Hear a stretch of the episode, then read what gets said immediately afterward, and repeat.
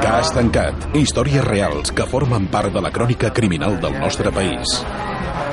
Cas tancat. Un espai de Radiolot amb la col·laboració de l'àrea bàsica policial de la Garrotxa. Investigador Antoni Domènech, soscap de l'àrea bàsica policial de la Garrotxa. Guió i direcció Neus Assin. Locució Pere Farges i Neus Assin. Muntatge tècnic Manel Saiz. a les persones que han efectuat aquest vot. A veure si es pot adreçar alguna patrulla. Avui, a cas tancat, cas Brito i Picatoste.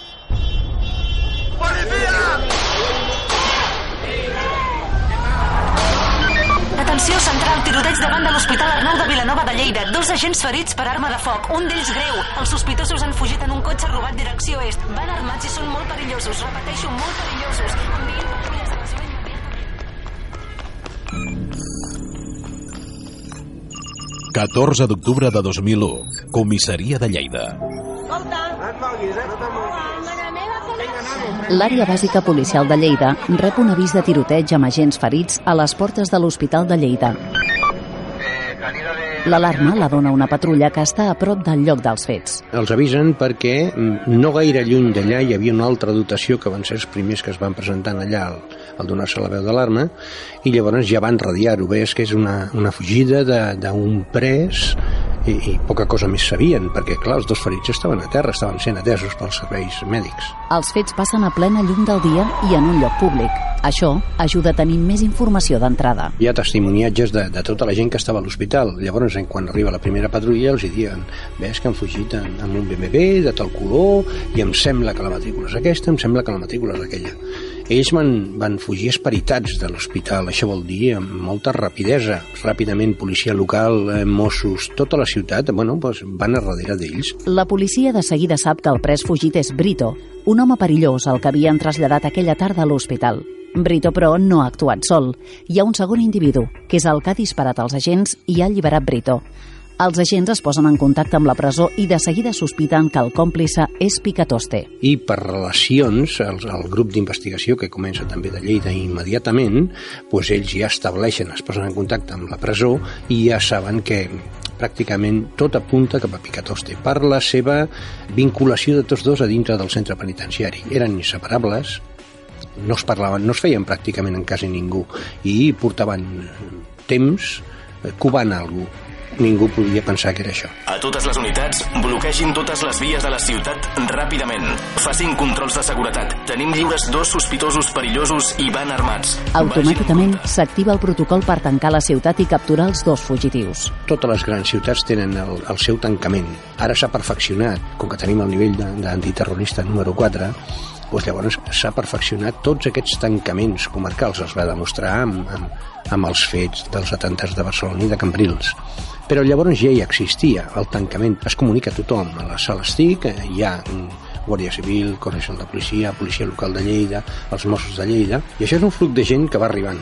Però clar, eh, no és immediat. El sergent en cap de la Divisió Criminal de Barcelona rep una trucada al mòbil mentre està amb la seva família. Ha d'anar immediatament a Lleida. El cas és greu. Quan arriba, tots els efectius possibles estan buscant els dos fugitius. s'ha de tenir present que allà a Lleida es va volcar tots els companys que estaven de festa de vacances eh, amb permisos malalts, no malalts, tots. Tots van anar a comissaria, van agafar eh, armament llarg degut a la perillositat dels individus i van començar a cribar tota Lleida. Paral·lelament a la recerca dels dos fugitius, s'està investigant qui són, com han pogut fugir i a on es dirigeixen. L'equip d'investigació comença per l'entorn de Brito. Llavors la nostra unitat ja es posa en marxa per eh, pentinar tota la família del Brito. Pentinar vol dir, bueno, sabíem que tenia dos germans, que tenia una dona, que tenia dos nens... Doncs, bueno, ja, ja ens posem a vigilar-los per si reben algun tipus de comunicació. A part d'això, ja es comencen a picar les, les, les intervencions telefòniques doncs per la dona, eh, pel pare, eh, per un dels germans. Començar a fer feina. Cribem tot el que hi ha del centre penitenciari i sabem que aquest altre, el, el Picatoste, el que possiblement l'ha ajudat, és el que no té, no té arrelament aquí a Catalunya, té una família per Astúries, però poca cosa més. Investigant les seves vides, de seguida estableixen que Brito i Picatoste no tenien relació prèvia, sinó que es van conèixer a la presó. Presó de Lleida. Una part dels agents van a la presó a examinar les seves cel·les i troben cartes i documents escrits en clau a partir d'uns codis creats pels propis fugitius. En Brito ja estava detingut per un crim escabrós. Per treure-li, em sembla que eren 200 euros amb un avi conxavat amb una amiga seva, hasta que no li va donar el, la clau del PIN de la targeta de crèdit, pues, no va parar de pallissar-lo. I després, quan li va donar el PIN, en el qual ja dic, eh, hi havia 200 euros, li van engegar un tret al cap. El Picatoste estava per diferents furs i robatoris i robatoris violents. Allà es van fer amics. Amics vol dir pues, que s'entrenaven militarment, eh? o sigui, posaven ells dos reptes de vinga, va, ara fem flexions, ara pugem la corda, ara ho estaven fent doncs, estil Rambo, Rambo casolà. Es van idear una sèrie de còdics eh, per parlar-se que mitjançant cartes i van començar a gestar o sigui, jo crec que Brito va començar a posar la llavor de l'agermanament, de tu i jo som, som, som, per què? Per, per dir-li, bueno, doncs aviam, quan surtis tu de permís, perquè jo no sortiré en molts anys, m'has d'ajudar a fugar-me. Comissaria de Lleida. Tots els efectius estan pentinant les carreteres quan es rep una trucada que porta informació valuosa en aquest sentit. Es rep de nou la col·laboració ciutadana en el que s'ha estimbat un cotxe, han saltat dos homes, han fugit, que estaven a dos o tres minuts del, del vehicle que va arribar allà. Clar, aquests dos o tres minuts ja donen prou marge com perquè s'embosquin, marxin, eh, s'amaguin. A partir d'aquest moment la recerca es fa més intensa, però al mateix temps més complicada, ja que els fugitius ara van a peu i els llocs on poden amagar-se o camins que poden agafar són més difícils de rastrejar. Els agents, però, tenen una pista. La investigació a l'entorn de Brito ha determinat que el pare té una petita propietat a Vilanova del Camí. Hi van immediatament i quan hi arriben es troben una sorpresa. I allà ja tenia preparat també el mateix Picatoste ho va portar, ho va dur doncs, tres motxilles, tenda de campanya, passamuntanyes, brides, de tot una miqueta per poder estar-se a la muntanya un temps indefinit. Està clar que Picatoste sol no ha pogut obtenir tot això sense ajuda, estan només fora de la presó durant els permisos. Algú els ha ajudat en aquesta fugida. Ara cal saber qui. Divisió d'Investigació Criminal, Barcelona. L'equip es reuneix amb les proves que tenen sobre la taula. Els dos fugitius continuen en recerca i captura i pel material trobat a la caseta de Vilanova del Camí saben que han de passar per allà i es volen amagar en algun lloc de muntanya. També tenen clar que hi ha una tercera persona implicada en el cas que els ha proporcionat material. No deu ser ningú de la família perquè els estan seguint a tots i de moment Brito no s'ha posat en contacte amb cap d'ells. El que sí que tenen clar és que la fugida no ha estat improvisada. Brito li deia a Picatoste jo cauré per les escales, em faré mal al braç, com que és un diumenge i aquí no fan radiografies, em portaran a l'hospital i tu allà m'alliberes. Així mateix ho van gestar i així mateix ho van fer. Rep el cotxe i l'arma en Picatoste, baixa cap a Lleida, se'n va a l'hospital, com que també havia estat detingut, ja sap per quina porta entren i per quina porta surten. Van estar atenent en Prito a dintre i quan va sortir Picatoste se'n va anar cap als dos Mossos i per darrere, traïdorament, els, els, els, els hi va disparar. El mosso que estava en, en pràctiques doncs va quedar tetraplègic i l'altre, l'altre company, avui dia encara té la bala allotjada al seu cos. A diferència d'altres casos, aquest s'ha convertit en mediàtic. La premsa de tot el país ha difós les imatges dels dos fugitius i s'ha generat alarma social. Però això mateix ha fet disparar la col·laboració ciutadana. Quan es difon pels mitjans de comunicació, ràdio, televisió, tots, eh, premsa, tot, es difon, doncs nosaltres comencem a rebre avisos d'avistaments del Brito i el Picatoste. I avisos et puc dir arreu de Catalunya. Eh? Es comprova tot i la gent no avisa perquè sí, eh? Jo diria que el 99,99% ,99 de totes les trucades dient un avistament és, és certa que la persona s'ho ha cregut. Una tonteria sempre pot passar, però jo no hi crec en aquesta tonteria, perquè nosaltres tenim l'obligació de comprovar-ho tot. Si en diuen a tal bar del carrer Aragó eh, eh, que estan dinant, que estan a la taula, doncs nosaltres tenim que agafar el cotxe ràpidament, desplaçar-nos a aquell bar, entrar en prevenció i llavors comprovar aquelles persones. S'identifiquen les persones i quan es veu que no, marxar ja per un altre. Clar, els avistaments van ser brutals. Des d'un poble del Pallars fins a l'últim racó del, del, del Montsià, allà baix, doncs nosaltres teníem que anar-ho comprovant. Passàvem les trucades i, escolta'm, aviam, era el Pallars, eh, Pirineu, aneu cap allà, comproveu això, agafeu tot el poble i hasta que no apareguin, m'heu de dir que no perquè si és que sí ja se'ls detindrà. Evidentment s'ha de comprovar. Què representa una feinada? Sí, és una feinada ingent. La gent no es pot arribar a, a imaginar el desgast que significa comprovar totes i cada una de les trucades. Vilanova del Camí, caseta del pare de Brito. Brito i Picatoste continuen fugits i els agents mantenen un desplegament fixe a la casa de Vilanova del Camí per si els presos s'hi presenten. Al trobar nosaltres el registre del pare de la casa aquesta ja sabíem que la seva sortida de Lleida en cotxe era Vilanova del Camí. Evidentment, nosaltres allà muntem un servei de, de vigilància, en col·laboració amb Lleida, Lleida vigilava pel matí, nosaltres vigilàvem per la nit. I allò dura molts dies, eh? i molts dies allà treballant i no treballant, estan amagat i esperant esperant a assassins que, bueno, que estan pujant, que estan fugint però no tenim la certesa de que es dirigiran allà Passen 10 dies i els fugitius no apareixen.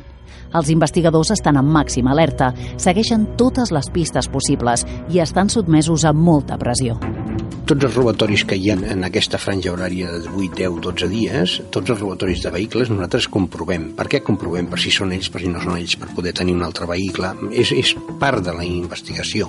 Eh, de tota manera, nosaltres no ens podíem permetre de baixar la guàrdia. No pots baixar la guàrdia, perquè ja saps la perillositat que tenen, ja saps que porten un mínim de tres armes a sobre, ben carregades totes elles, i llavors no, no podíem relaxar-nos.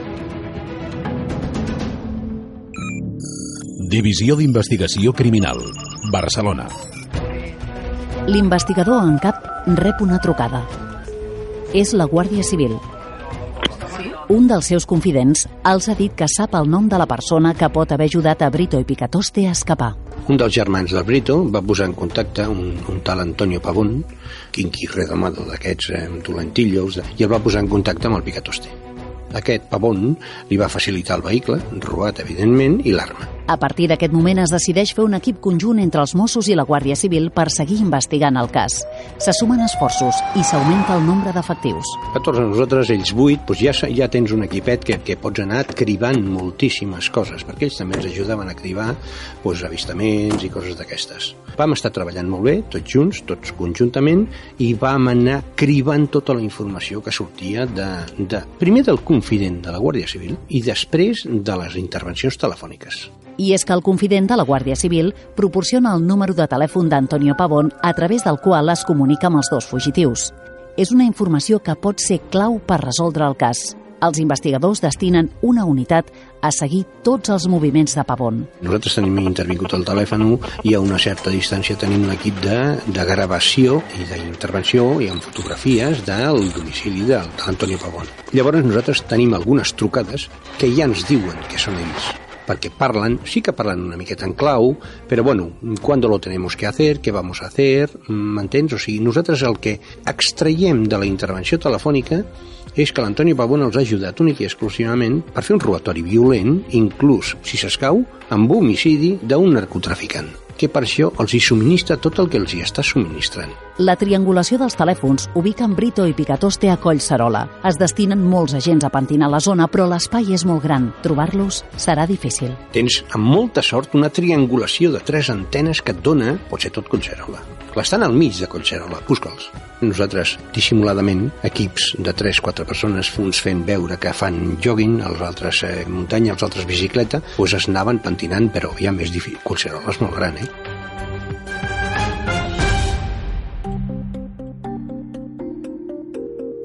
Els agents rastregen Collserola i analitzen totes les converses telefòniques amb Pavón.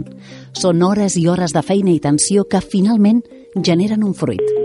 Una de les trucades aporta una informació que pot ser molt valuosa. El nom del traficant a qui Brito i Picatoste han de segrestar el fill per encàrrec de Pavón.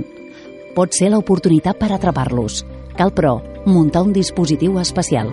Es fa, es fa un dispositiu conjunt amb Guàrdia Civil, que és un dispositiu costós, costós amb, amb mitjans, amb, clar, amb dissabte i diumenge, el nen jugava a futbol, el fill del narcotraficant, clar, tenies que controlar el fill, tenies que controlar el pare, tenies que controlar la mare, a veure, la casa, per on apareixien, si apareixien, si no apareixien, i a més a més tenir vigilat el pavón per veure si es movia, si anava a buscar-los, si els transportava. Clar, tot això són mitjans, un mínim de dos o tres cotxes per cada un dels objectius, dos, tres, quatre. Els investigadors preparen tot el dispositiu per l'endemà i envien els agents a dormir. Però a mitjanit entra una trucada al mòbil de Pavón que no s'esperen. Brito demana a Pavón que els vagi a buscar. Va entrar una trucada de que, oye, que me tienes que venir a buscar, que no sé què, que no sé quant. Clar, nosaltres sortim amb dos cotxes i engeguem eh, Collserol amunt. Bueno, nosaltres ens posem allà a vigilar i pum, veiem passar el cotxe del Pavón. Dic, bueno, vale, ben normal. El seguim, estava parat i es veu que s'estaven passant dades per telèfon. Però nosaltres no teníem més gent, jo no tenia ningú a les intervencions telefòniques. Total, van, van quedar, van pràcticament parar al costat nostre i vam dir, no, no, marxem d'aquí perquè si no, aviam, ells estan aquí i van armats i si se'n donen compte per qualsevol desgràcia de que són policies ens fregiran a trets perquè ells estan a la foscor i nosaltres a la claredat. Fem 100 metres. Ens separem del vehicle que havia parat al costat nostre ens separem 100 metres. I de cop i volta vam passar el cotxe jip, i vam perdre. Perdre però perdut. Perquè va passar, no et menteixo, 200, 200 i pico. No han pogut localitzar els fugitius, però encara tenen el dispositiu de l'endemà. El problema és que aquella nit Pavón es fa enrere i el cop que han de fer Brito i Picatoste l'endemà no es produeix. Els agents perden en poques hores de diferència les dues úniques oportunitats d'atrapar-los que han tingut. Tornen a estar a la casella de sortida. Tres dies més tard. Divisió d'Investigació Criminal. Barcelona. 7 del matí. L'investigador en cap rep un teletip que el posa en alerta. A les 7 del matí rebo el teletip del Cos Nacional de Policia perquè ells eren els competents llavors a la ciutat de Barcelona. Teletip d'un fet greu a, a, a Collserola, un, un vehicle tirotejat, un home mort i una noia eh, violada. Clar, jo agafo aquest paper i me'n vaig als meus superiors i els dic són els nostres, són aquests dos. Han volgut agafar el cotxe, han volgut fer... Són ells, o sigui, no tinc cap mena de dubte. No hi ha casualitats, no existeixen casualitats. Com que la competència la té la Policia Nacional, els Mossos concerten una reunió amb ells. Comissaria del Cos Nacional de Policia. Barcelona. Els agents exposen a la Policia Nacional les seves sospites sobre els autors del crim i demanen la seva col·laboració. Però la Nacional prefereix fer la investigació per la seva banda. Però bueno, van acordar tot el contrari que amb la Guàrdia Civil. La Guàrdia Civil era franquesa total i col·laboració total i ells van dir, no, no, mira, vosaltres treballeu el que esteu treballant i nosaltres treballarem a la nostra manera. Ens anem passant informació i ja està, doncs així van quedar jo suposo com a cos policial potent a Barcelona, el cos nacional de policia volia fer-ho a la seva manera i amb els seus mitjans i tal com estaven acostumats ells a treballar. Les intervencions telefòniques revelen que Brito i Picatoste estan cansats d'amagar-se a Collserola i volen marxar. L'investigador en cap sospita que per aquest motiu han comès el crim que ara investiga la Policia Nacional. Tot i que l'equip de Mossos i Guàrdia Civil no tenen accés directe al cas, saben com han succeït els fets. Ells dos eh, surten eh, a la foscor de la nit, veuen un cotxe parat i diuen agafarem aquest cotxe, vale? Mm, se'n van cap al cotxe i es veu que els, els de dintre els veuen, arran... hi havia un noi i una noia. Arrenca el cotxe, tira enrere i el fregeixen a tret. Es fa malbé el cotxe i lliguen a la noia amb un arbre. Allà, teòricament, quan Picatoste marxa, Brito la viola. Divisió d'Investigació Criminal. Barcelona. Els fets es filtren a la premsa i la pressió mediàtica i social augmenta. Els dos fugitius no només han tirotejat dos agents a Lleida, sinó que han matat un noi i violat una noia. I encara estan lliures.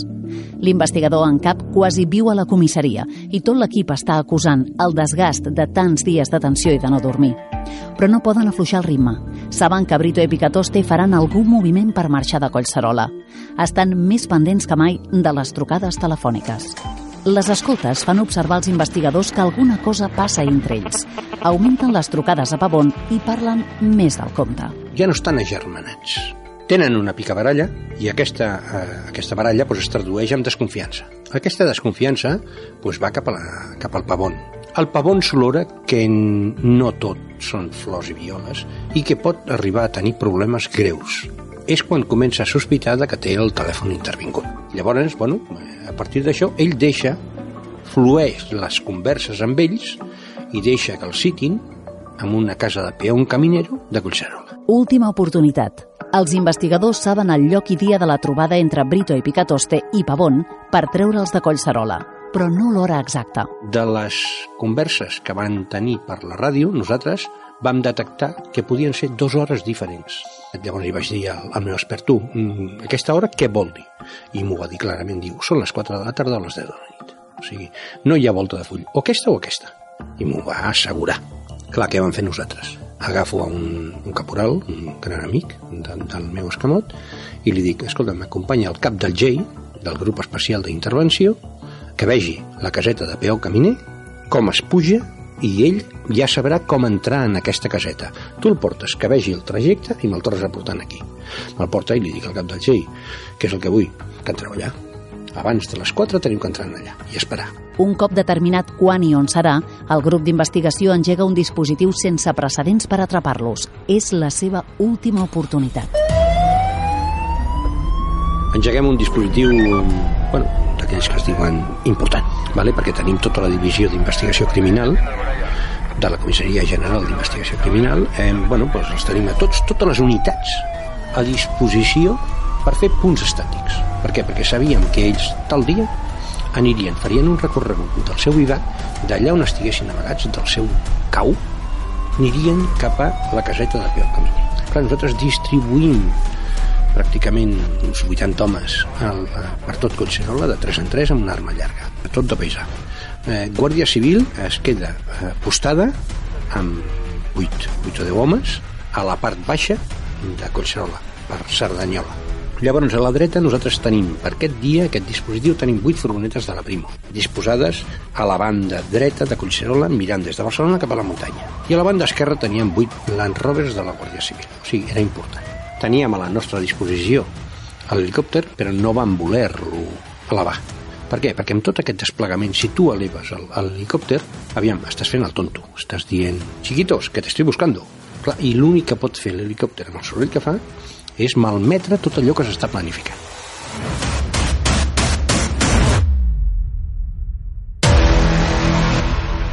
Casa de Peón Caminero, Collserola, 4 de la tarda. Comença l'operació.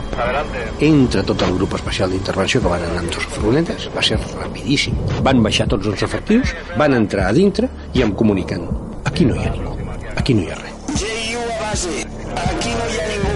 El cau no és hostil. Sol·licito noves ordres, canvi. La tensió és màxima.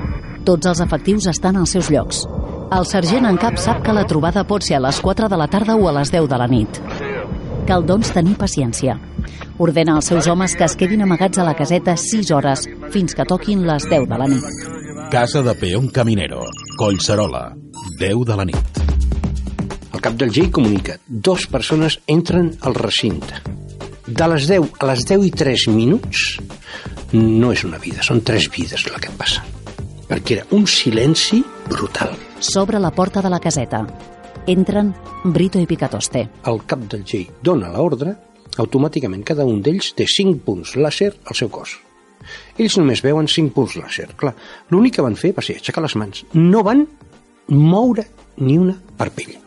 Per què? Perquè sabien que tenien les de perdre. Este es mi vida. Aquest, aquest aquí. Mira hacia otro lado. Hacia otro lado.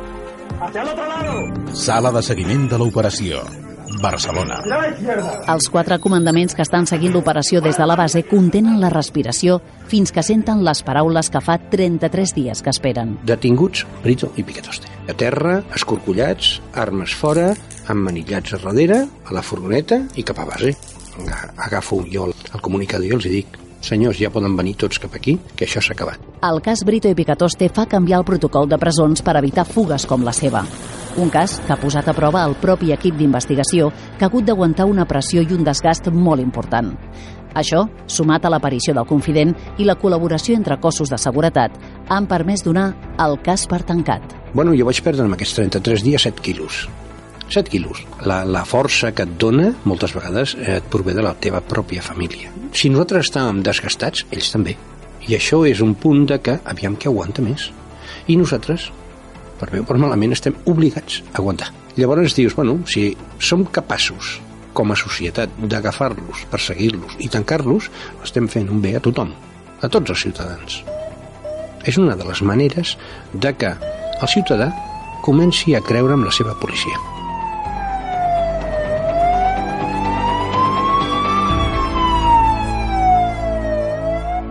Cas tancat.